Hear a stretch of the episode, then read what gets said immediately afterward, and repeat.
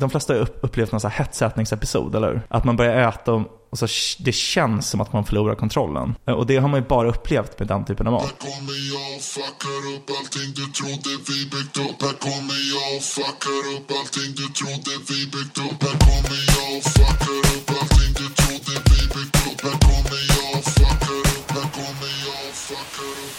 Hej och välkomna till ännu ett härligt avsnitt av podcasten Om och Men, där vi reder ut det ni tycker är krångligt och krånglar till det ni trodde redan var utrett. Med mig, Vincent Flink Gamlenäs. Med mig Beatrice Erkers. Nu kör vi igång! Ja. Var är den som sist, Bea? Ehm, vad hände sen sist? Jag har... ehm, jag, det har svidit i mina ögon. Åh nej, vad jobbigt. Ja. Det är en eh, katt här, Nej. kanske. Nej men jag tror det är det, är det jag ska, håller på och ska försöka experimentera eller förstå vad det är. Mm. Jag funderar på om det är min mascara.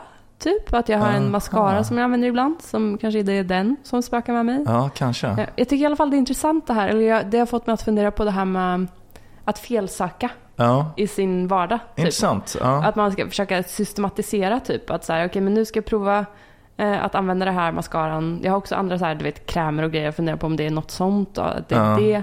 Så nu måste jag ta här. Men då kan man ju inte bara sluta med allt på en gång. Nej, utan nej. man måste ju så här sluta med en sak i taget och testa.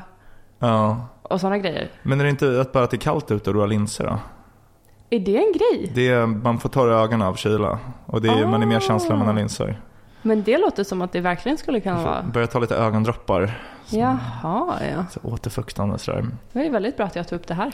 Ja, men det är bra. Okej, ja men nice. Jag får börja använda ögondroppar mer. Eller lasra ögonen. Jag är en stor eh, proponent av ögonlaser efter att Lona gjorde det och bara, Ja. jag förstår inte att jag väntade så här länge. Det här är det bästa jag gjort i hela mitt liv typ.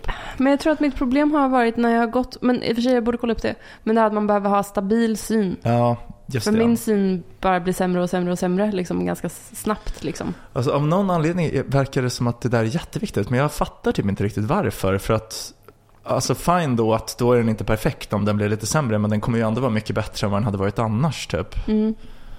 Men, Ja, jag vet inte. ja. Ja, men, ehm, ja men fan vad nice. Ja, någon gång ska jag absolut göra det. Men Mm. det är sant, det, det är bra. Vincent, jag ska gå till en optiker ja. och kolla om min syn har stabiliserats. För den kan ju ha gjort det. Jag har inte gått nu på några år. Men gör det. bara- Alltså det är ja. hur bra som helst. Men alltså jag var så rädd när vi gick dit tillsammans. Vi gick dit till den här kliniken. Mm. Och jag kommer ihåg att jag sa till Lona på vägen dit så här.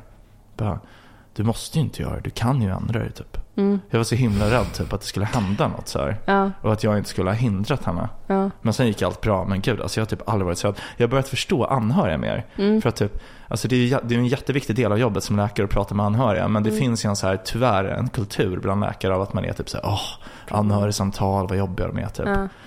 Men jag har börjat förstå dem så otroligt mycket mer av en sån här enkel sak som att Lona gjorde en lasergrej. Mm. Fatta om man har typ ens fru eller man eller typ ens barn ska opereras. Man skulle ju vara helt koko liksom. Mm. Ja, Verkligen. ja det var jobbigt. Men, Ja, nej men jag, jag förstår verkligen. Jag har också fått...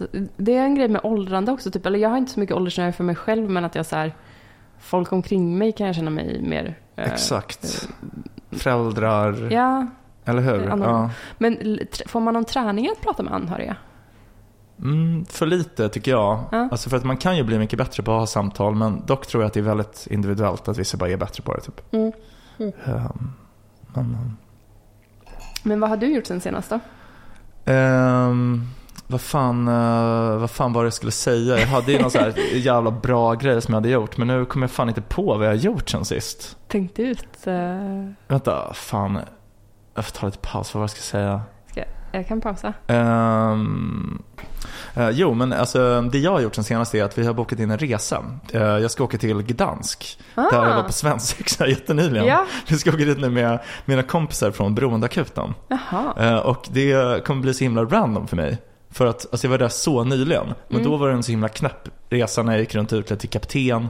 Eh, och det är som att jag kommer förvänta mig att det kommer vara likadant. Typ. När jag går ombord på flyget så vill jag att de ska säga “Welcome captain” och liksom men ni ska dit och typ festa eller vad ska ni göra? Ja, nej, men det, det, alltså, av någon konstig anledning så är det jättemånga som har koppling till Polen av eh, mina kompisar därifrån. Det är typ en som är polack, en som har bott där, en som har blivit polsk medborgare för att han flydde från Ukraina, en som är tillsammans med en polska. Så typ Jaha. alla har någon koppling till Polen. Så vi har tänkt bara, vi åker dit. Oj. Um, det är ju skitnice för han är ju typ, jag tror att han har bott i Gdansk i 5-6 år typ. Så han kan ju visa oss alla coola ställen. Oj, Så det ska är bli skitnice. Ja, jag är riktigt taggad. Och jag kollade på alltså, flygen, vi har inte bokat flyg. Ja. Men alltså, flyget dit kostar 256 kronor. Och skatter och avgifter är 200 kronor. Alltså, hur, hur kan de gå plus på det? Jag fattar inte alltså. Nej, men det, ja, nej, det känns inte som att de gör. Men ja. Nej, alltså jag tycker flygbranschen är liksom bland den, den branschen som är svårast att förstå. Jag fattar inte hur de, alltså hur fan kan de finnas liksom? Det finns ju inga marginaler.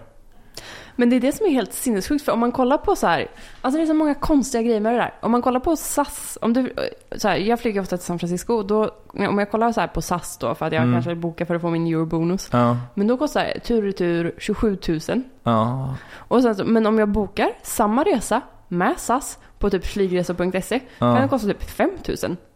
Och det är så här massa andra konstiga grejer som att ja, Eh, min partner Ville då har upptäckt att eh, om man bokar tur och retur ja. så kan det vara billigare än, alltså att han kan boka tur och retur fastän han bara ska tur kanske och bokar en annan. För att det är billigare än en Aha. tur. Alltså på vissa, eller att man, om man bokar eh, tur och retur från London och sen bokar separat flyg från Stockholm till London och Ja. Stockholm. Så blir det sånt. mycket billigare. Ja.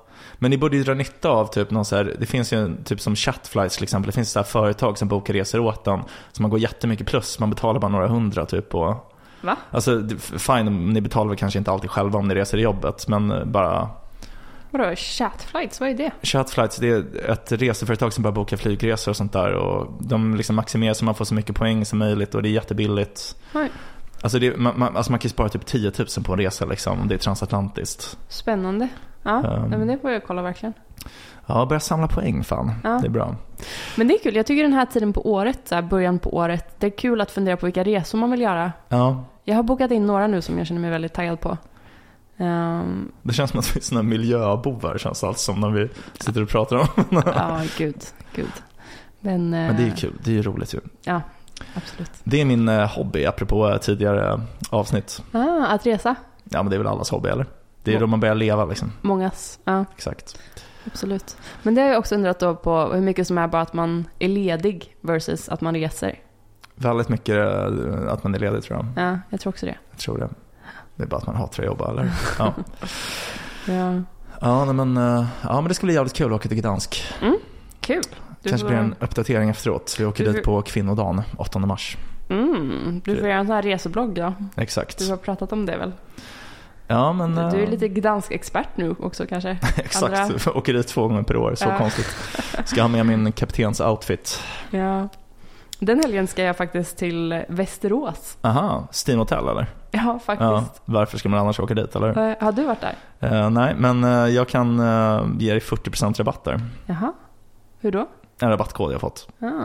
Det verkar jävligt nice. Ja, Jag, jag fick rabatt när jag bokade och sådär. Fan vad Ehm, nice. Ja, nej, men det ska bli intressant. Ska dit med Cecilia. Ja, fan vad kul. Mm. Någon spa-helg typ eller? Ja, Ja, härligt. tjej, tjejhäng, Treat tjejkväll. yourself. Mm. Västerås är en väldigt eh, fin stad. Aldrig varit. Men jag är lite sugen på, Västerås är jag sugen på att besöka och Norrköping är jag sugen på att besöka. Alltså du vet, så här, de här, um, Eskilstuna har jag varit i. Mm. Men du vet, de här konstiga random städerna, det Mm. inte jag tummen ner för Ja, Eskilstuna. hatar Eskilstuna. Ehm, ja, jag är faktiskt inget fan heller. Nej, Alltså, Exiltuna som läkarstudenterna kallade det. Det är ett bra, bra namn. Mm. Ehm, ja men att det är liksom, det är kul att ha lite koll på de här områdena Ja, men verkligen. faktiskt. Men eh, alltså Västerås är ändå, jag är förvånad över att inte fler pendlar till Stockholm från Västerås. Mm. För det är ju otroligt nära. Mm. Och det är ju otroligt mycket billigare att bo där om man vill bo i hus och ha familj och så här typ. Mm. Ja. Ja, ja, men det är väldigt bra tips. Jag får scouta helt enkelt.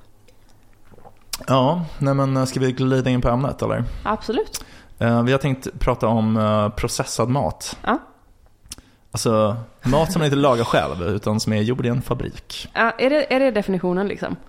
Eh, ja, men alltså typ, det är alltså, anledningen till att vi ska prata om det är att jag har läst en bok som jag tyckte väldigt mycket om. Alltså det är ganska länge sedan jag läste den nu, men eh, den heter Ultra Processed Humans Mm. och är skriven av en brittisk läkare och forskare och typ så här TV-host som heter Chris Van Tulleken. Mhm. Han har gjort massa program för BBC och även radio typ. Och, Mhm.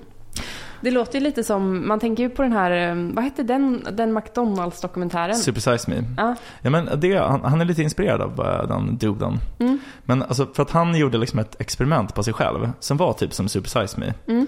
Men alltså, som var att han skulle bara äta ultraprocessad mat. Alltså så här, extremt raffinerad mat. Och vad räknas som det? Typ så här, är det, är det pizza då? Eller för jag tycker till exempel, för när jag, när jag hör processad mat så Mm. tänker jag på frysportioner. Ja. Samtidigt som jag, eh, jag tycker det är supersmidigt att köpa så här frysportioner, typ Ja, så här linsgryta. Jag bara, men för det här kan ju inte vara så jävla onyttigt. Nej. Nej men alltså det är det som är frågan. Så här, är det så onyttigt eller liksom Om du bara köper en portion och bara äter det, då är väl inte det så stort problem tänker jag. Men problemet är väl att man äter så mycket mer av den typen av mat. Alltså så här, Så man, och man äter mer av process, eller va? Varför då? för att det är så här, alltså anledningen till att de processar maten, det är dels en hållbarhetsfråga. Mm. För att det är lättare att styra liksom, hållbarheten och sådär. Men det är också typ att även om det är ganska bra näringssammansättning på mycket processad mat eh, så är det liksom, det finns inget motstånd att äta det. Du behöver inte tugga det.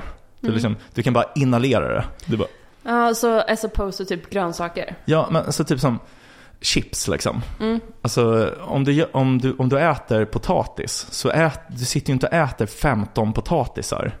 Men du skulle ju lätt kunna äta om jag gjorde potatismos skulle jag typ kunna göra det. Men ja, absolut. Ja men det blir alltså typ ju mer du processar något desto lättare är det ju att äta mycket av Det det. är sant, det känns, typ, det känns som typ gympa att äta tre morötter. Exakt. Men inte en påse chips. Nej exakt. Det gör man ju bara inte. Så det är typ det som är, alltså så traditionellt när man går på läkarprogrammet så pratar man ju så här om näringssammansättning. Hur mycket fett, protein, jada jada är det i det här? Hur Mm. mycket salt är det och sådär. Men då, då liksom, det man inte pratar om är ju typ hur mycket av det du kommer äta i varje sittning. Mm. Och det är ofta det som gör att man äter för mycket, alltså det blir onyttigt. Mm. För även typ så här vitt strösocker till exempel. Mm. Det är ju extremt onyttigt. Mm. Det är ju inte alls bra. Men det är ju ingen som sitter och skopar upp vitt strösocker och bara äter liksom decilitermått med vitt strösocker. Nej, inte som det är så. Men att man blandar det med typ kakao och grädde. Så. Ja. Men även det tror jag är ganska ovanligt, eller? Alltså blanda Eh, vitt strösocker, ja, inte kakaogrädde. gör- Ja, absolut. Om man inte bakar typ en kladdkaka. Det känns som att många, eller det känns som en tjejgrej i alla fall när man var liten, att man åt smet mycket. Du vet, man åt chokladbollssmet typ, Ja. och, och så. Alltså jag håller med, det är otroligt gott. Men jag tror inte att det typ är en så stor förklaring av Nej, fetmaepidemin. nej, nej, absolut. Att alla, alla bakar Alla typ en kladdkaka. Ja. varje dag. Utan jag tror det är mer att de äter ja, men till exempel chips eller alltså så här, ultraprocessade grejer liksom. Mm. Vad tror du är den vanligaste sån... Är det typ chips? Eller vad? vad? Ehm, men alltså jag tror, globalt så tror jag att det är men dels det och så candy bars. Mm. Ehm, men också typ att all mat man äter är så processad. Alltså Mm. typ i många länder så är skolmaten liksom typ McDonalds Mm. liknande. Men för jag har tänkt på så här, vilken mat som man äter som man får i sig flest kalorier. Ja, Eh, och då tror jag ju att... för jag är ju en fäbless för typ uh, bageri, ja, alltså kafégrejer.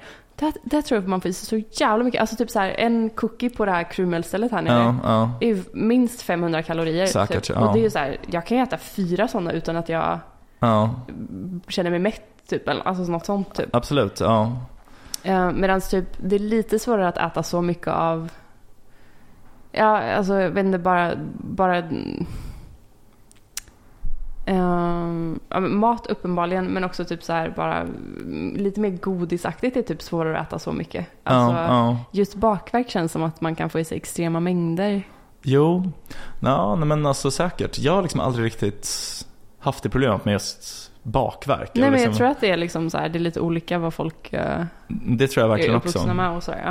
Men jag tycker bara att det var, att det, det var en så intressant twist på det typ. För att, alltså, att han inte pratar om näringsämnen utan mer liksom hur lätt det är att äta produkten. Mm, Alltså typ, det är superintressant ja. alltså, för han pratar om typ att ju mer, ju mer man tuggar mat, Mm, desto mer mätt blir man. ja. Det är så dumt, det tänker man inte på. Men alltså, vi, det, det, är, som- det är en sån grej som får en att tänka att man är en maskin. Typ. Att man inte förstår, att man blir lurad av sig själv. Mm. Typ så att om du tvingar dig själv att tugga något jättemånga gånger så blir man mer mätt av samma sak. Jag kommer att tänka extremt mycket på min pojkvän just nu. För han Ja. har väldigt konstiga matvanor. Ehm, han äter ofta pulvergrejer, alltså så här fuel, alltså human fuel. Ja, ja, Alltså så här. Eh, men också extrema, när han försöker äta vanlig mat så äter han extrema mängder sallader. Han, han, liksom, han har haft ortorexi och sådär, så han, han har konstiga matvanor liksom. Ehm, och då till exempel igår hände det här att han berättade, nu hänger jag ut honom men det, det är inte så konstigt. Men ehm, vi, vi, hade, vi skulle ha gäster, jag hade köpt sallad. Vi hade Ja. ett helt, sallads, alltså ett helt salladshuvud isbergssallad. Ja.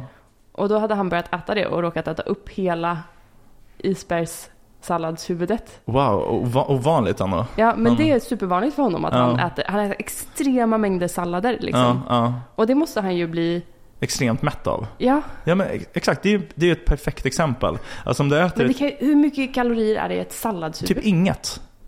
Typ ingenting. Nej. Alltså och man blir, man blir säkert, jag har aldrig gjort det, jag skulle aldrig, jag skulle aldrig göra det om jag vara ärlig. Men, men det är kanske man borde. Alltså så här, det kanske man borde. Man kanske borde, om man är hungrig, sätta sig och äta ett helt isbergshuvud liksom. Ja. För det, det måste ju vara sjukt mättande, man sitter och tuggar i evigheter liksom.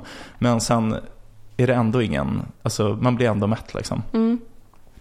Eh, ja, men jag tyckte det var väldigt intressant. Mm. Eh, och han pratar liksom mycket om hur, alltså det är den här matindustrin som står för nästan hela fetmaepidemin. Det är hans take liksom. Mm. Han är så supervänster, den här Fontalican. Ja. Eh, och menar liksom att det är kapitalismen som har lett till fetmaepidemin och sådär. Ja. Eh, men jag, jag jag tyckte det liksom var ett väldigt intressant grepp. Alltså han pratar till exempel om, man har gjort experiment på, på 70-talet på ett så här jägar och samlarsamhälle i Tanzania som kallas för Hadza-folket. Mhm. Och de, alltså framförallt männen men även kvinnorna, de lever liksom en extremt fysiskt aktiv livsstil. Mm. Alltså männen är ute och springer nära en mil varje dag, snabbt liksom, jagar eh, och så här, en extremt fysiskt aktiv livsstil jämfört med en kontorsarbetare som pendlar till jobbet. Mm. Men sen jämförde de så här, kalori-expenditure på ett så ganska raffinerat kemiskt sätt. Mm.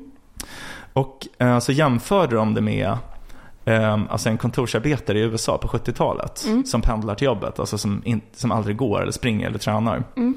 Och alltså så här, skillnaden i kalori-expenditure. Och, alltså, om du gissar, hur stor skillnad är det? Jag antar att poängen är att det inte är så stor skillnad. Ja, exakt. Det, Så, det är ingen skillnad. Det är ingen skillnad. Ingen För, skillnad. förstår du vad sjukt? Oj, vad förstår du vad sinnessjukt det är? Ja. Alltså de, de gör av med lika mycket kalorier, ungefär drygt 2000 för en vuxen man. Sen är de liksom i snitt lite mindre också. Mm. Så, att, Mm. så om, om de, de är kortare liksom. Mm. Men om de var ungefär lika långa som oss så kanske de hade gjort med lite, li- ja, lite, lite mer. Mm. Och då kan man fråga sig så här, vad är det vi gör av med energi på? Mm. Alltså det är ju dels att vi blir tjockare, Mm. så här. men det de, det, alltså deras hypotes, som man har upprepat det här med andra jägare och samlarsmällen. Deras hypotes är att när man filmar dem, om man säger åt en man i Hadza-folket så här. Ja men din uppgift nu, du får, de har inte pengar så att de får annat. De får typ, du får salt. Så här. Om du sitter still i en timme så får du salt. Eh, och så säger man till en kontorsarbetare så här, om du sitter still i en timme så får du 50 dollar. Mm. Så filmar man dem bara när de sitter still. Om man säger bara sitt på den här stolen, det är allt Mm. man säger. Eh, Och de i Hadza-folket, de sitter blickstilla i en timme. Och tittar bara in i kameran så här. Alltså de rör inte en fena liksom. Mm. Och bara tittar in i kameran så här helt döda i hopp om salt liksom. Men en kontorsarbetare i USA rör på sig hela tiden. De sitter aldrig helt still. De, liksom, de gör alltid så små rörelser, typ byter ställning på stolen. Och typ den här, de här ångestdrivna rörelserna är liksom, det är det vi gör av med energi på. Att oroa oss i onödan och så här. Mm. Jag tycker det, det är så jävla revolutionerande, eller hur? Men ja, verkligen. Men är det... Hur funkar det med typ övervikt och så? Eller normalvikt generellt? Typ, har kroppen en normalvikt som den vill leta sig tillbaks till? Och när sätter sig den normalvikten? Är det så här om du var överviktig när du var 20? Ja. Är det alltid den vikten som din kropp kommer vilja leta sig tillbaks till? Typ? Eller hur funkar det? Ja, shit alltså om jag visste det. Men alltså det, det, fin- det finns ju sån, en sån mekanism i kroppen som vill tillbaka till all time high. Men den normaliseras ju. Men jag vet inte exakt när, så här, hur lång tid det tar. Men, eh, Okej, ja, men, så, men så om man går ner mycket i vikt så vill kroppen gå upp igen. exakt. Ja. Men om du lyckas hålla det på en vikt så kan den normaliseras där. Om man är där Alltså länge. förr eller senare gör den ju det. Mm. Liksom. Men eh, jag, jag vet inte exakt hur lång tid det tar. Och, alltså, det är inte bara att jag inte vet, utan det är så här, man, man vet inte. Nej, Typ, eh, nej, nej. Alltså, jag, jag försökte läsa på lite om det här för jag skrev om fetmaläkemedel, jag tror vi hade något avsnitt om det. Mm. Men man, man vet liksom inte exakt och det är sannolikt också stor individuell variation. Mm. Men, ehm, ja, Mm. nej men och anledningen då till att man eh, äter så mycket mer i våra samhällen. Det är liksom att de, de har inte tillgång till de här typen av raffinerade matprodukter. Det är hans case då. Mm. Och jag tycker typ att hans bok, den var överdriven i- eh, på massor av sätt. Men jag tycker liksom bara grundtanken som är så otroligt enkel. Att det inte är näringssammansättningen som spelar roll, Mm. utan tillredningen av maten. Mm. Den tyckte jag var, åtminstone för mig, väldigt revolutionerande. Jag har typ aldrig riktigt tänkt på det. Jag håller med, men det är någonting som tilltalar mig i det. Alltså jag blev typ lite glad av det på något sätt. Att så här, Ja. ja men då kan jag ju fortfarande äta mycket men att jag äter ett isbergssallad Ja. om jag är sugen på det. Eh, ja men alltså så att man ändå äter voluminös mat liksom. Exakt. Och det behöver inte vara så extremt heller. För att, alltså, han tar som exempel så här, limpor som man köper i plastförpackning Mm. i, på typ ICA. Eh, jämfört med en limpa som man köper hos en bagare. Mm. Alltså typ när jag var eh, alltså, yngre. Då br- brukade jag och en kompis alltid efter skolan gå och köpa en ost, ett paket Bregott och en Skogaholmslimpa. Mm. Och sen typ så här vid tre när vi slutade skolan, då åt vi upp det. Mm. Alltså kanske inte allt smör, men alltså Mm. man, man åt upp allt typ. Mm. Eh, Men det hade man ju inte, alltså man hade ju inte velat äta lika mycket av typ en sån här surdegslimpa du köper på. Man vill inte sitta och äta så här tio sådana smörgåsar på raken. Mm. För det är så här, du måste sitta och tugga det här sega brödet så här. Man äter två, kanske tre och sen är man liksom väldigt nöjd.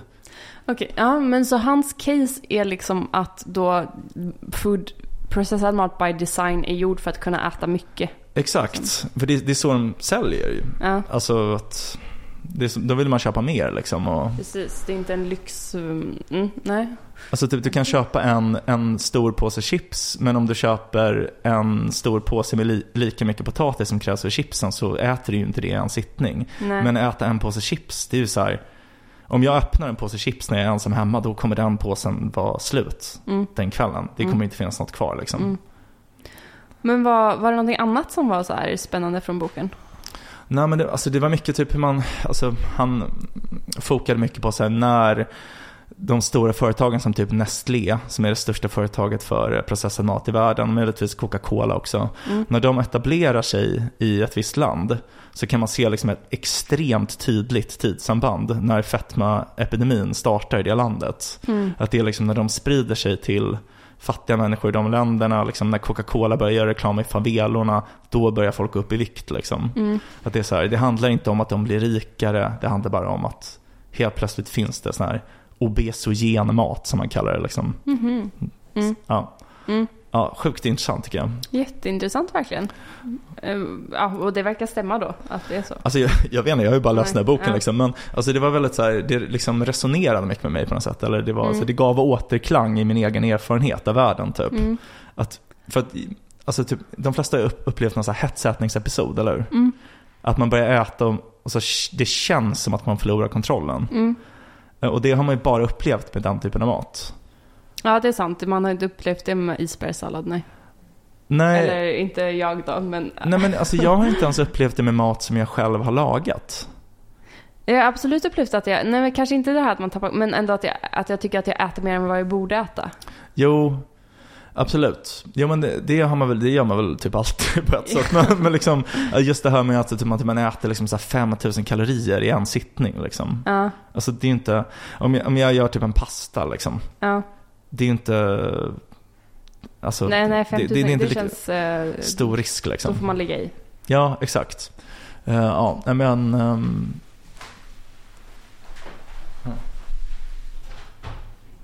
Ah, ja. aha, aha. Ja, men nice. Ja, nej men... ehm, Och att det är typ mycket som, alltså typ som i början när man inte visste att cigaretter var väldigt farliga. mm, Då gjorde ju cigarettlobbyn extremt mycket för att dölja det. Faktum Mm. att det känner ju många till. Så här att, uh, um, ja men att man sa typ så här Dr. Smoke Marlboro i en vanlig meme som folk känner till typ. Och Mm. uh, alltså, Philip Morris gjorde reklam, eller hur? Men tror du att, ja, verkligen. Ja. Men tror du att det är det vi står inför med processad mat? Eller tror du att det inte kommer hända med processad mat? Eller tror du att det... Ja men jag tror det. Alltså, Ja. jag, jag tror det. Alltså för att, eller han, han var väldigt övertygande när jag läste den här boken. Och sen ska jag säga också, jag har inte gjort tillräckligt med re- research för att fact-checka allting han säger. Så här. Men, Mm.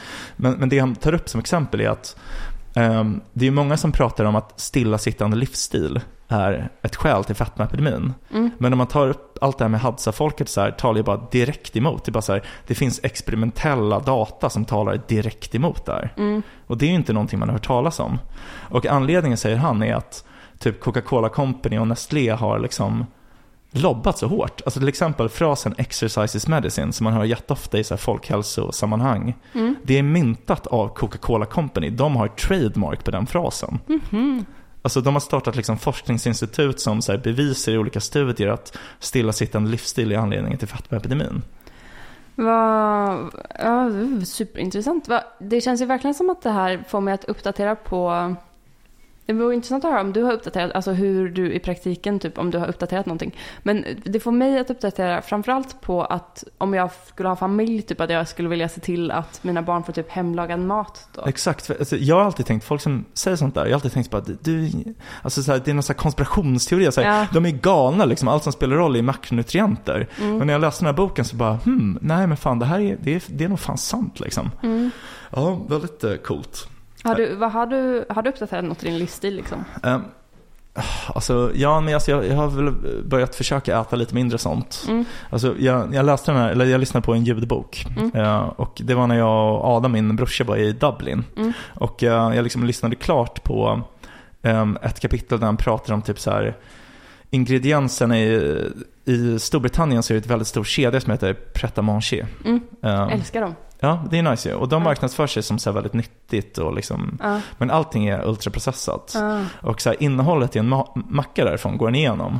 Och han, han menar liksom så här, det här är ingenting som ingår i den liksom traditionella maten för människor. Det är typ så här, Men det, är, det brukar ju ändå vara sallader och grejer i en sån macka. jo men det är ju det man minns, men det är så saker man inte ser som är typ så här ett, ett exudat från bakterier som gör att det är så mjukt så att det bara glider ner i halsen och typ, alltså det är mycket typ Ja. så konstiga e-ämnen i allt Mm. typ och ja. Fan, jag, jag älskar pret manger. Nu säger det, gud vad sugen jag blir. Ja men det är ju så gott ju. Ja. Man, och man vill ju bara ha mer, man vill ha, det är så här moreish liksom. ja. Men när jag, när jag hörde det eh, avsnittet, eller liksom det kapitlet, då satt vi på en så här eh, airport lounge Mm. i Dublin. Mm. Och då, då har de ju massa sådana mackor. Och då kommer jag ihåg att jag satt med en sån macka i handen när jag lyssnade på det och så tittade jag på den och bara Nej, eh, jag vill inte äta det här. Typ. Nej. Eh, sen har de inte hållit i sig så mycket som man eh, önskar att jag skulle ha gjort. Men... Nej. Men är det ändå att du försöker laga lite mer mat hemma typ? Ja, men typ, eller bara äta mer eh, icke-processade grejer typ. För att det eh, gör att man blir mer nöjd. Och i Liksom. praktiken typ, om det, skulle det vara att du äter en sallad då? Eller vad, vad, om du är på en restaurang liksom, vad är inte så processat? Men alltså, om man går på bra restauranger så är det inte så mycket processat. Alltså det är ju det som är typ hög status i så här restaurangvärlden. Att man Mm. ska göra allt från grunden och liksom. Mm. Men alltså inte äta så mycket snabbmat och typ eh, så. Mm. Alltså ja. Mm. Typ, eh, alltså typ le kebab som jag åt på varje dag. Där är all, allting är ju så helt genomprocessat liksom. Alltså typ den veganska kebaben på le kebab. Det innehåller ju ingenting man känner igen vad det är. Nej. Det är, det är väl kanske typ sojaprotein och sen Ja. massor av saker som man inte vet vad det är typ. Men det här är mycket grönkål. Det är sant. Ja. Ja, ja, men det finns för fördelar också. Men Mm. ja. Det känns också som att det är några olika grejer. Typ den salladen in, innehåller ju matvete också. Mm. Eh, och det är så här, är det processat eller är det... För det känns som att det är en liten diskussion just det här med sädeslag och grejer. Att det är oklart vad folk... eh, Vissa, det finns ju paleodieten där man menar att det inte är bra med sådana grejer. Och så Mm. Medan andra känns som att ja, det är jättebra att äta havregrynsgröt typ. ja, just det. Nej men, eh, ja, men det är en bra fråga. Jag vet inte riktigt. Det är ju inte paleo i varje fall, tycker jag. Men det kanske ändå är bra. Le kebab? Nej men just matvete tänkte jag. Ja, nej, nej men precis. Nej, men jag vet liksom inte. Nej, men han, alltså han pratar också mycket om dieter och så här, man har kunnat se typ att den av de vanliga dieterna som folk går ner mest i vikt på är LCHF. Mhm. Folk kan ju gå ner otroligt mycket i vikt. Jag har många typ kompisar som har gått ner så här 20 kilo på LCHF typ. Mm. Men hans take är typ att anledningen till att man går ner så mycket i vikt är att den mesta högprocessade maten innehåller mycket kolhydrater. Mm. Så att om man utesluter det, då får man inte det här, de här hetsätningsepisoderna som folk går upp i vikt av. Ah, Okej, så ja, han menar att folk går upp i, vikt av eh, hetsätning slash också då process, alltså att man också cut out processad mat genom att äta LCHF. Ja, att det hänger ihop, att man hetsäter i princip bara ultraprocessad mat. Då. Mm. Alltså det är liksom ja. Mm. Folk sitter inte och hetsäter typ en eh, stek de har gjort typ eller en, eh, Nej. ja, ett bröd som de har bakat själva typ. Eller, Mm. ja. Mm. Ehm, Ja, nej men jag köper verkligen det. Ja, och sen är han mycket, han är mycket typ så här extremt antikapitalistisk och säger typ så här att man kan inte ens kalla dem för matvaruföretag. Det är företag som bara vill extrahera pengar från sina kunder typ. Man bara, det är alla företag. Det är det, Mm. det, är det som är ett företag typ. Men gud vad intressant om vi nu säger att vi kommer få eh, att det, här, det införs någon sorts regleringar och grejer som eh, cigaretter och sådär. Alltså Mm. folk röker ju fortfarande och sådär och folk kommer Mm. fortfarande äta chips typ. Men, Jo, men att det kanske skulle bli mycket mindre, mycket mindre vedertaget. Ehm, och de här fetmaläkemedlen. Ja. Det känns som att vi kanske har levt en ganska unik tid i historien när folk har haft extrem fetma typ. Men att det kanske inte kommer vara en grej lika mycket framöver. Nej, jag tror det också. Så framförallt med läkemedlen tror jag kommer i princip lösa problemet. Mm. Det tror jag verkligen. Det händer sjukt mycket på den fronten. Men ehm, alltså det är bara så, alltså jag tror att jag, det var typ bra för mig att läsa den här boken. Mm. För att jag har föraktat människor som tänker så här så mycket. Och att det är så här ironiskt att det bara är typ när en annan läkare skriver om det så tror jag på det typ. Va, var han läkare? Ja, han är också läkare den här Chris. Ah, okej, ja. Han forskar om sånt här typ. Ja, nej men, men jag köper det. Jag har nog också varit lite såhär, men, ja men sluta. Ja, Det känns som en hippie-grej, eller hur? Ja, verkligen. Alltså, just, verkligen. just det här med barnmat, man bara kom igen. Ja, ger. Ja. Mm. Nej men eh, så det var lite, liksom lite en, en ögonöppnare. Ja, men då, eh, alltså processad mat, det kom väl typ på 60-talet eller 50, 60 50-talet kanske? Ja, men någonstans där det började liksom. Ja. Med så här TV-dinner och sånt. Ja, jag tänker på, jag tänker på Mad Men när jag tänker på det liksom. Ja, Det här med marknadsförings, att de marknadsförde, ja de marknadsförde ju cigaretter för all del också. Eh, men att det var, de mark- marknadsförde typ Heinz liksom. ja, Heinz bönor och eh, ketchup och sådär. Eh, och att det, de försöker paketera, för då är, då är det också inte så vedertaget, då är det nytt liksom. Och ja. att de försöker paketera det som någonting så här hemmafrun fixar det här. Och också att de försöker paketera faktiskt McDonalds typ, att de Ah. försöker sälja eh, sälja det som att det är så här, ja och så kör vi bara förbi drive-byn för middagen. Liksom så här, att det, Ah. man försöker göra det som en, en hemmafru-grej, att köra förbi drive-byn, inte att stå och laga middagen hemma. Just liksom. det, tidssparande liksom. Mm, ja. Precis. Det är väl en av de största usparna liksom, att det går så otroligt mycket snabbare. Ja, Och verkligen. Det och pengarna liksom. Gott också. Alltså så här, jag vet inte. Det Ja, är, alltihop. det är nice liksom. Ja.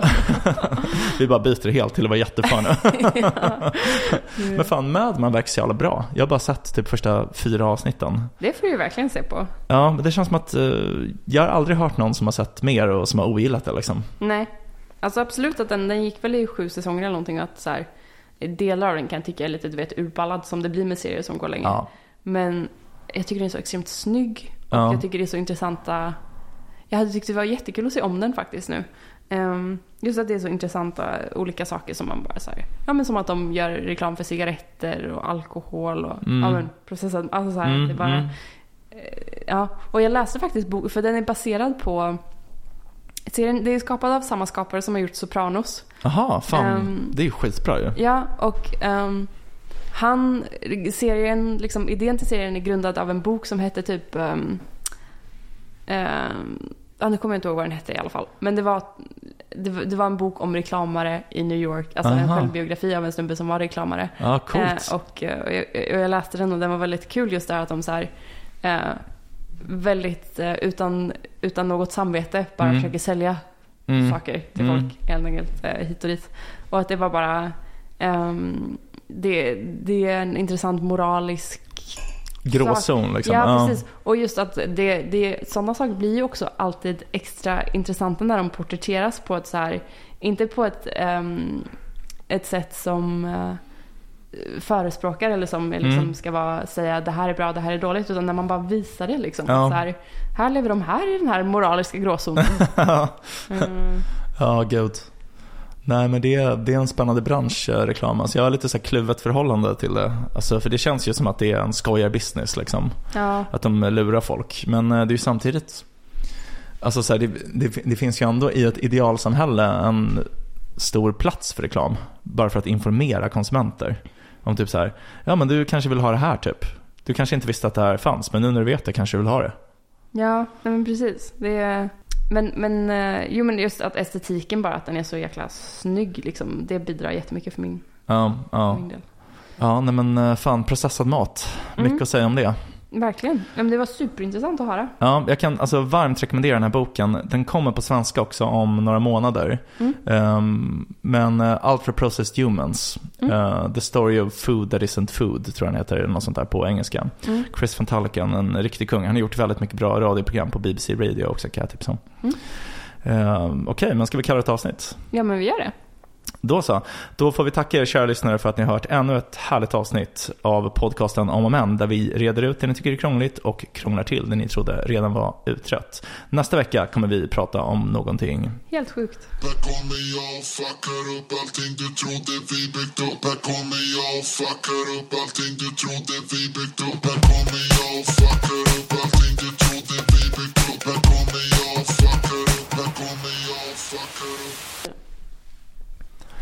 Du har lyssnat på podcasten Om och Men med mig, Vincent Flink Amlenäs och med Beatrice Erkers. Om du har några frågor eller förslag på någonting vi kan prata om i programmet kan du nå oss på mejladressen omochmän.gmail.com omochmän.gmail.com Vi kommer svara på alla mejl.